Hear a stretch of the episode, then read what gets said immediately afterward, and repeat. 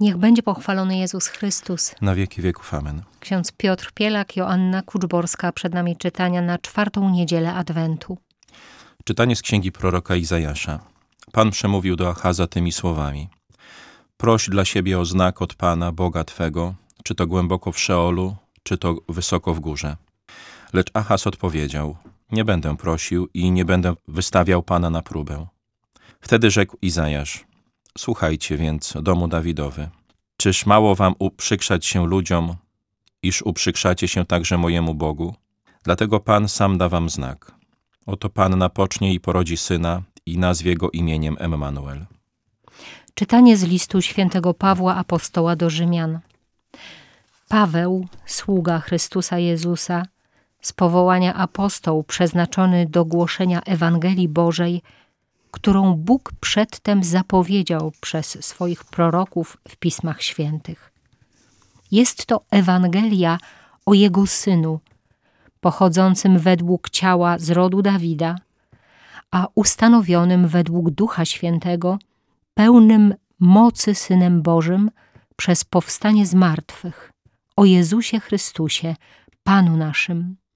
Przez Niego otrzymaliśmy łaskę i urząd apostolski, aby ku chwale Jego imienia pozyskiwać wszystkich pogan dla posłuszeństwa w wierze. Wśród nich jesteście i wy, powołani przez Jezusa Chrystusa. Do wszystkich przez Boga umiłowanych, powołanych świętych, którzy mieszkają w Rzymie. Łaska wam i pokój od Boga, Ojca naszego i Pana Jezusa Chrystusa. Z Ewangelii według świętego Mateusza. Z narodzeniem Jezusa Chrystusa było tak. Po zaślubinach matki jego, Maryi, z Józefem wpierw nim zamieszkali razem, znalazła się brzemienną za sprawą Ducha Świętego. Mąż jej, Józef, który był człowiekiem sprawiedliwym i nie chciał narazić jej na zniesławienie, zamierzał oddalić się potajemnie. Gdy powziął tę myśl, oto anioł pański ukazał mu się we śnie i rzekł Józefie, synu Dawida, nie bój się wziąć do siebie Maryi, Twej małżonki, albowiem z Ducha Świętego jest to, co się w niej poczęło. Porodzi syna, któremu nadasz imię Jezus. On bowiem zbawi swój lud od jego grzechów.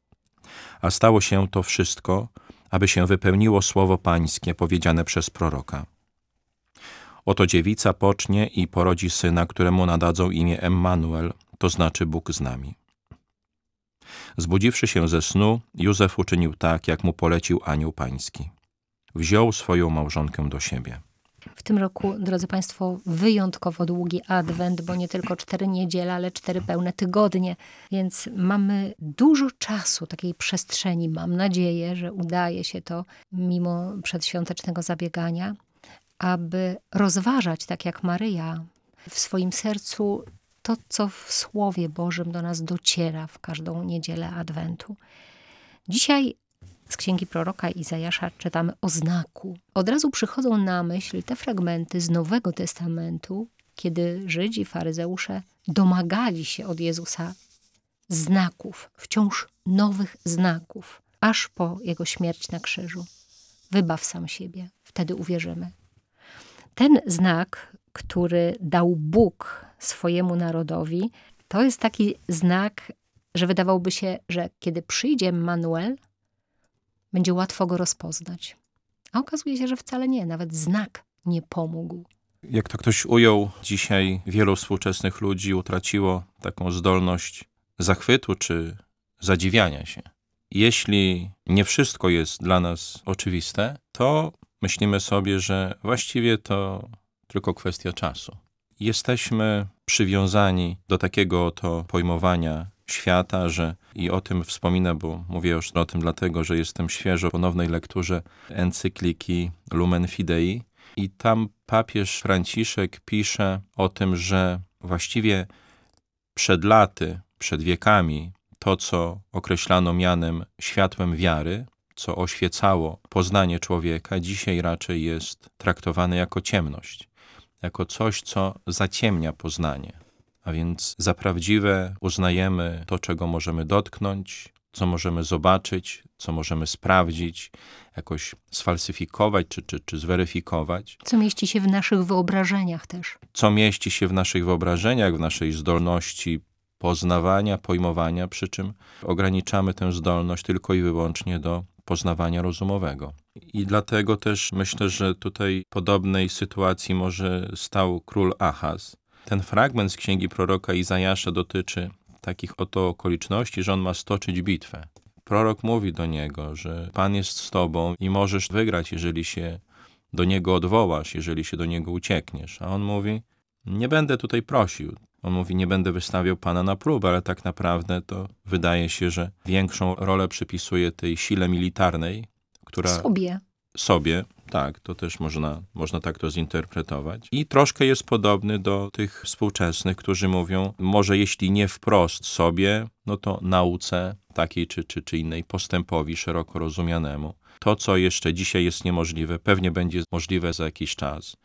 Może będziemy żyli 100, a może i 200 lat. To już taka trochę pseudofuturystyka, ale myślę, że, że ten typ myślenia nie jest obcy wielu współczesnym ludziom. I dlatego też a propos znaków jest takie pojęcie w teologii znaki czasu. Pan Jezus też z pewnym takim wyrzutem mówił do swoich adwersarzy, że umiecie rozpoznawać pogodę, a nie potraficie rozpoznawać tego czasu, w którym żyjecie i nie potraficie odkryć obecności Syna Bożego. Także wydaje mi się, że to jest kwestia jakiejś takiej wrażliwości. Tutaj mi przychodzi na myśl taka, taka anegdota, którą opowiadał Jan Paweł II, że kiedyś gdzieś tam pojechał na wizytację, taki mały chłopiec, jakiś wiersz na powitanie, wtedy jeszcze kardynała Wojtyły, mówił, no i wizytacja w parafii. I w pewnym momencie kardynał Wojtyła mówi, ale ja cię nic nie słyszę. A ten mały chłopiec mówi, to się nachyl. Właśnie. I wydaje się, że, e, że dzisiaj, dzisiaj to trochę też jest tak, że trzeba by się nachylić. Trzeba by trochę czasu temu poświęcić i nie traktować tego jako, jak mówimy, oczywistej oczywistości. To nachylenie może być też milczeniem, do którego dojdziemy później w życiu Maryi i e, Józefa, czyli daje takiej przestrzeni, żeby rzeczywiście Bóg miał szansę coś nam No, powiedzieć. zdecydowanie tak. Ale ja tak specjalnie zaczęłam od tego znaku i od tej przewrotności Achaza, e, której odnajdują się też współcześni ludzie.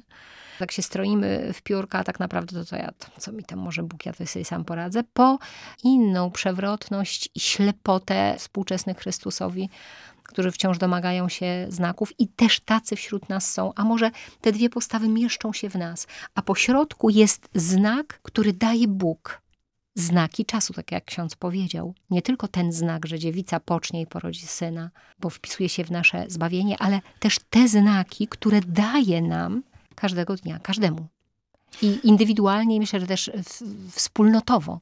Tak, jednym z dokumentów soborowych jest takie zdanie, które mówi, że Kościół ma obowiązek badania i wyjaśniania znaków czasu, ale to nie, nie jest tylko w znaczeniu takim instytucjonalnym, że ktoś nam wskaże, wyjaśni, zinterpretuje, bo wydaje mi się, że żyjemy w świecie pełnym znaków. Oczywiście tu nie chodzi o to, żeby w jakiś sposób dokonywać pewnej nadinterpretacji, czy jakiejś takiej superinterpretacji.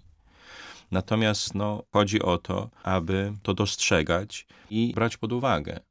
Myślę, że dzisiaj, w tych ostatnich czasach, takim znakiem był i pontyfikat Jana Pawła II, i przemiany po 1989 roku, i też czas pandemii. Dzisiaj wojna na Ukrainie. Tak jak mówię, wiadomo, że interpretujemy te znaki, jak mówimy, z naszego punktu widzenia.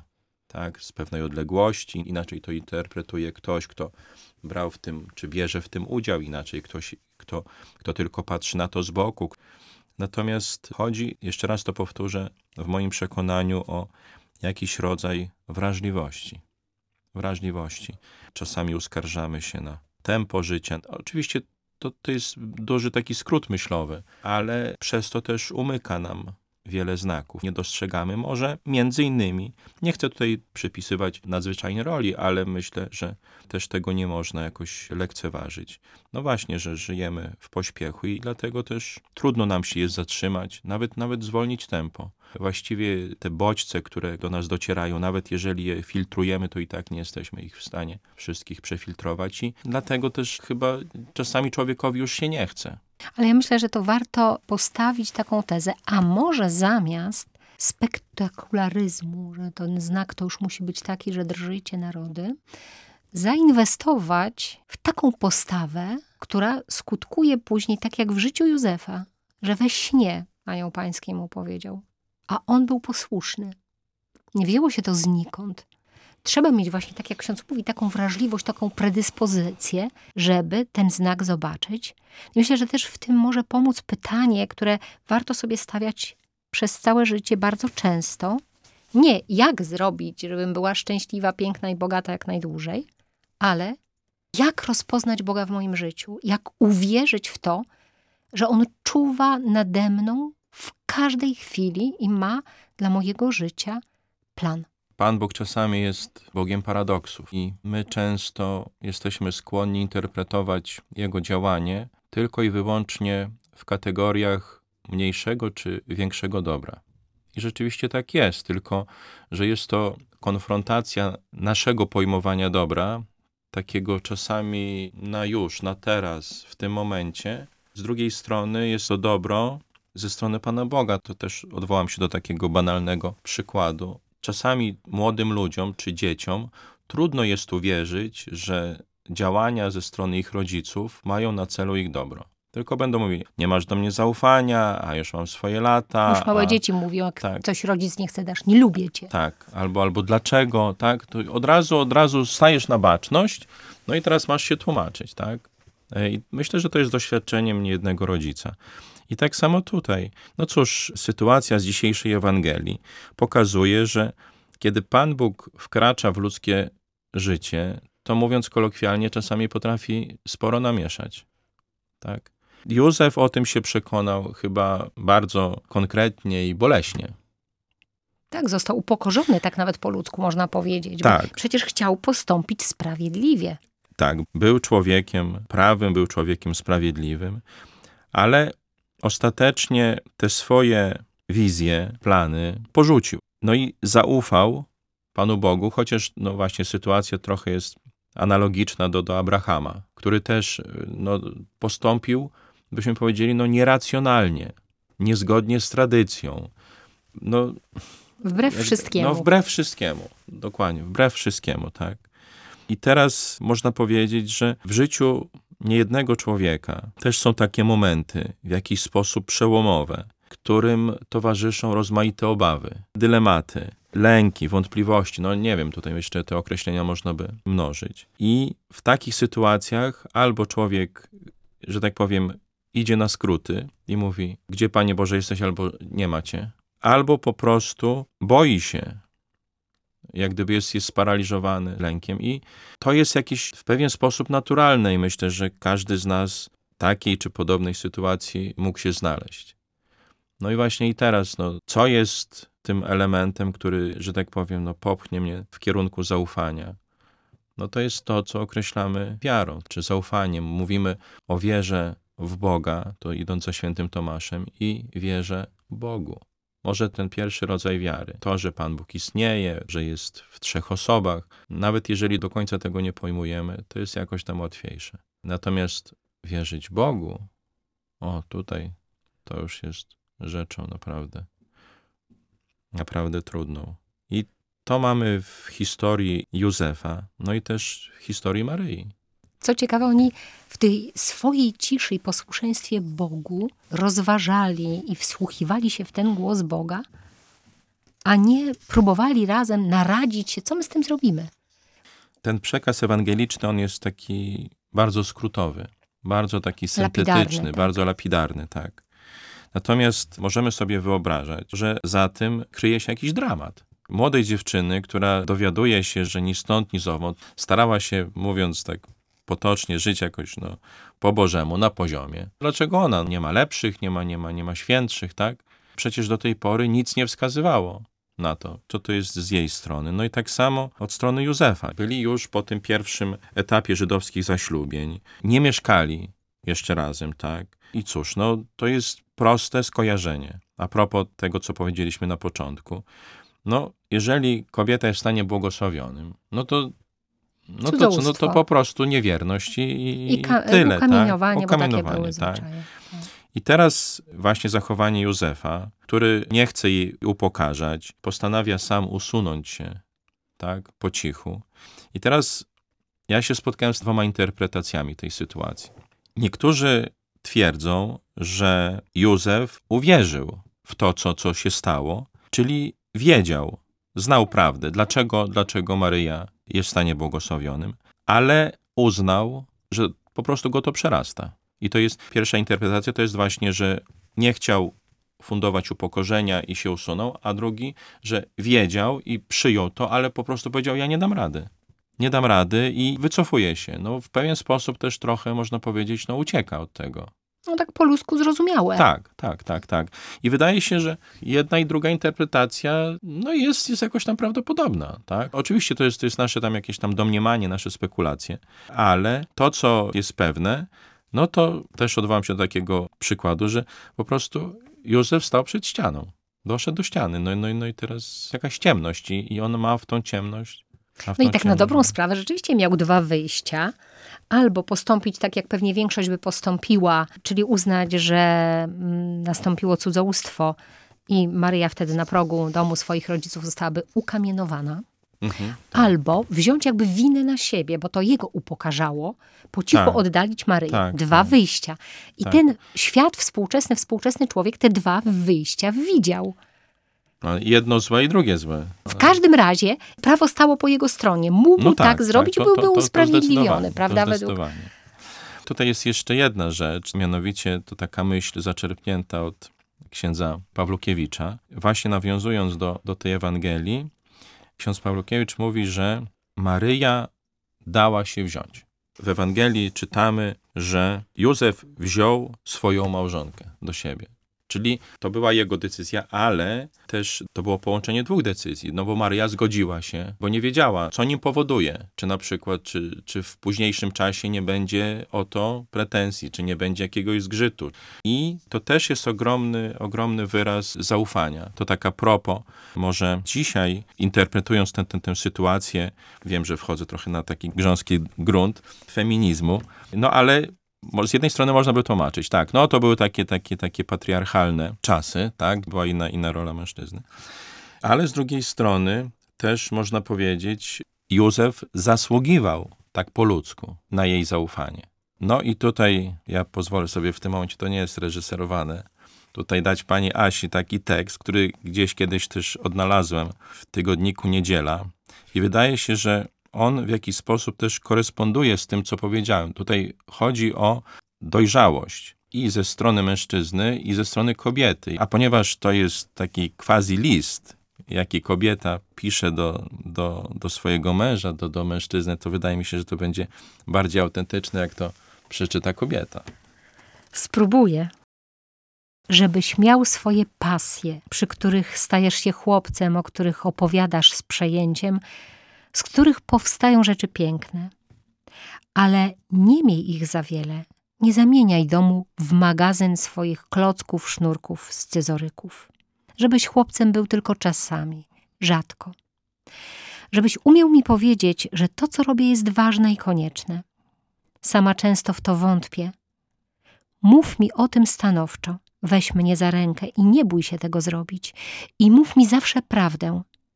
Uwierz, że nie jestem dziewczynką, którą trzeba oszukiwać, chronić kłamstewkami, bo się popłaczę. Pewnie się popłaczę, ale chcę wiedzieć. Żebyś umiał się gniewać, chodzić chmurny, żebyś nie ukrywał tego, co w tobie dzikie, ale żebyś nie był straszny, Patrząc na ciebie, nie chcę myśleć, że świat jest straszny, że straszny jest Bóg. Pokaż mi dobrą twarz naszego Boga. Wyobraź sobie czasem, że chcę usłyszeć ni stąd, ni zowąd, że jestem piękna, że świetnie coś zrobiłam. Kiedy chcesz wziąć mnie pod swój parasol, pocieszyć głaskaniem po policzku. Nie pytaj, czy możesz. Po prostu to zrób. I nie bądź babą, w tym nigdy nie będziesz lepszy ode mnie. Nie przeklinaj, kiedy trzeba iść poprosić o pomoc. Nie ma nic bardziej poruszającego niż zraniony chłopiec, który próbuje udawać twardziela. I błagam, nie obrażaj się, nie urządzaj scen. Lepiej próbuj rozwiązać problem, albo powiedz, z czym sobie nie radzisz, i razem spróbujemy to pokonać. Nie bój się, że mnie obciążysz swoimi problemami. Obciążysz mnie bardziej, kiedy będę musiała się domyślać, co cię trapi. Piękne. Tak, i, i tak sobie myślę, że dzisiaj w, w dobie relacji partnerskich, jakichś, nie wiem, rozdziałów, intercyzy, podziału obowiązków, ty trzy dni gotujesz, ja trzy dni gotuję, ty, ty raz w tygodniu pierzesz, ja w tygodniu piorę, no to można powiedzieć taki pewien trop, żeby tutaj nie usiłować wchodzić w coś, co nie jest moją rolą i wracam do tego, do tego zaufania. Tutaj się spotkały, można powiedzieć, no takie po ludzku, dwa zaufania, no bo w tym jeszcze to, co je łączyło, to też zaufanie do Pana Boga. Ale też mówię o tym, tym takim wymiarze ludzkim, że po prostu Maryja pozwoliła Józefowi, żeby on wziął ją do siebie.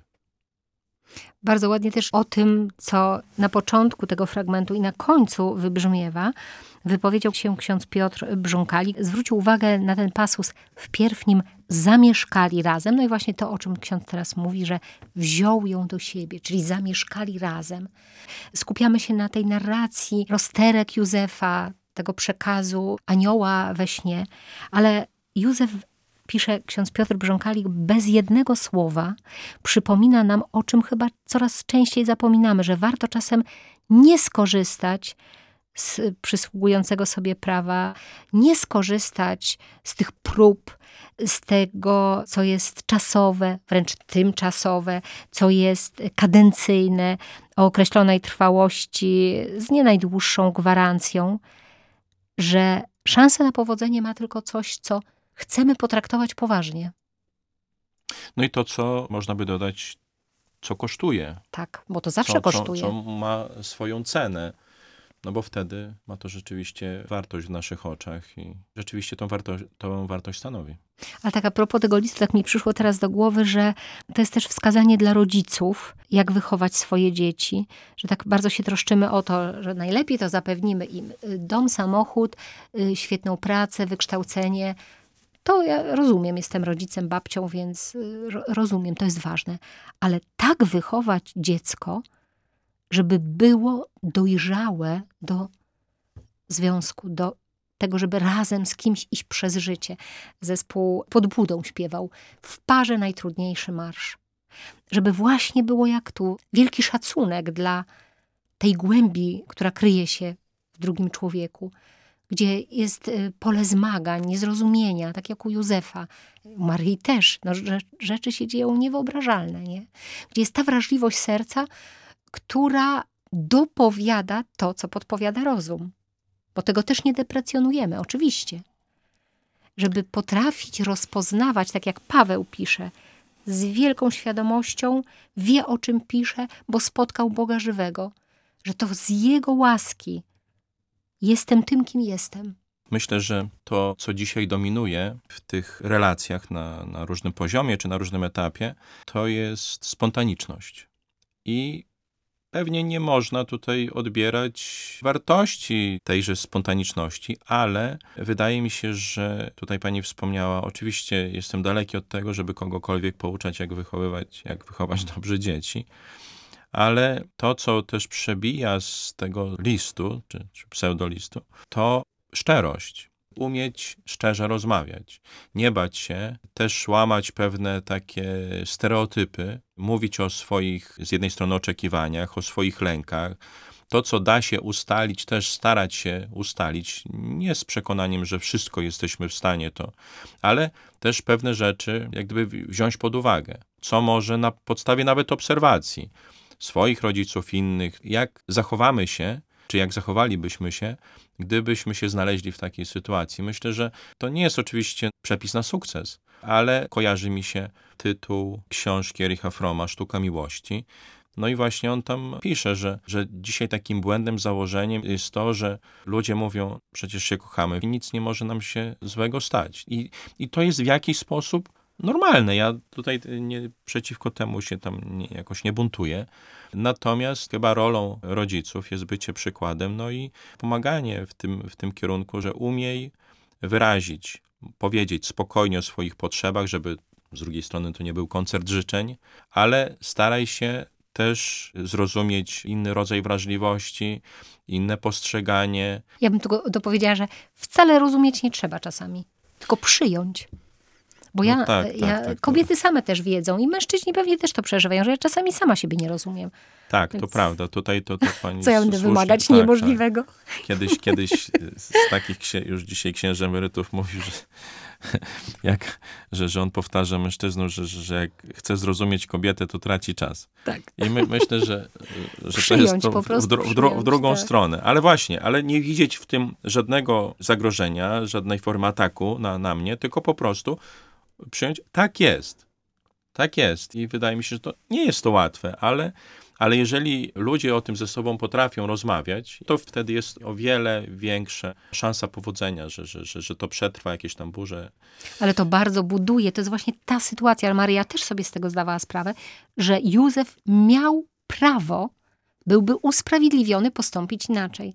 I mi przychodzi na myśl taka historia moja małżeńska. Jak rozbiłam samochód, wjechałam w drzewo, wolniutko. Natomiast rozbiłam totalnie, tam już nie było co zbierać.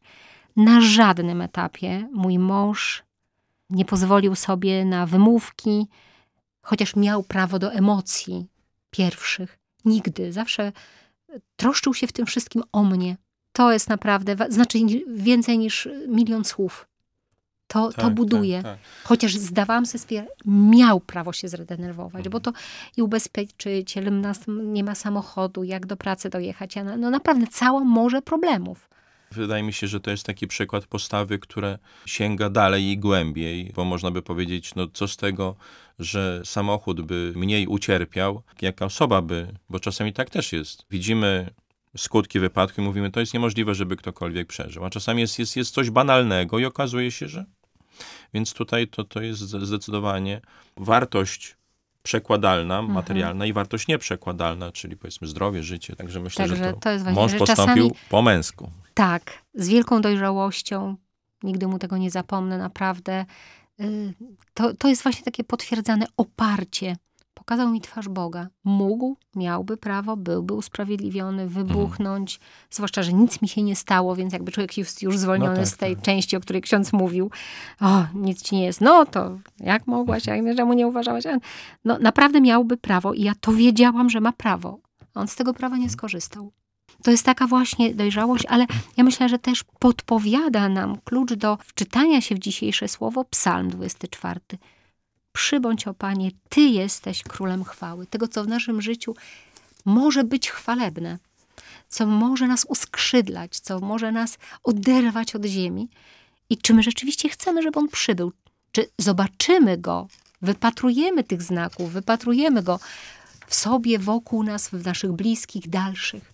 No przed nami już ostatnia prosta, ostatni tydzień Adwentu, tego czasu Pana Boga, który wchodzi historię życia każdego i każdej z nas. Przychodzi jako, jako Bóg z nami, jako, jako ktoś bliski, którego, dodajmy miłości, nie jesteśmy w stanie do końca pojąć i ogarnąć, który przekracza nasze plany, oczekiwania, który wydaje się, że czasami miesza, ale spoglądając wstecz, możemy powiedzieć, że stale prowadzi.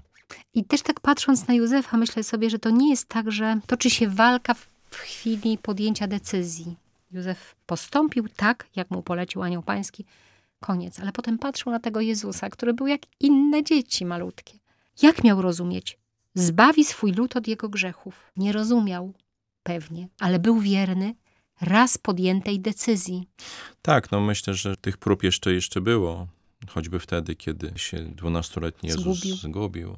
No wiele prób i myślę, że w tym jesteśmy jakoś tam do Niego, czy bywamy podobni. Także ostatnia prosta, czas na ciszę, na kontemplację, na rozważanie w swoim sercu, na szukanie Boga. Nie tylko w historii objawienia, którą powinniśmy znać, bo jesteśmy w nią wpisani, ale w teraźniejszości.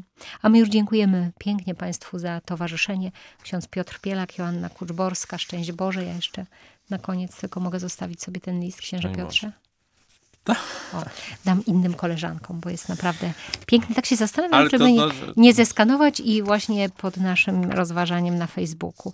Spróbuję porozmawiać, ja tego nie umiem zrobić, ale obiecuję, e, proszę Państwa, że spróbuję zapytać moich mądrzejszych kolegów, e, żeby panie miały do, dostęp do tego list, listu. A bardzo dziękuję księdzu Piotrowi, że znalazł dla nas taką perełkę. Dziękujemy jeszcze raz. Szczęść Boże. Szczęść Boże.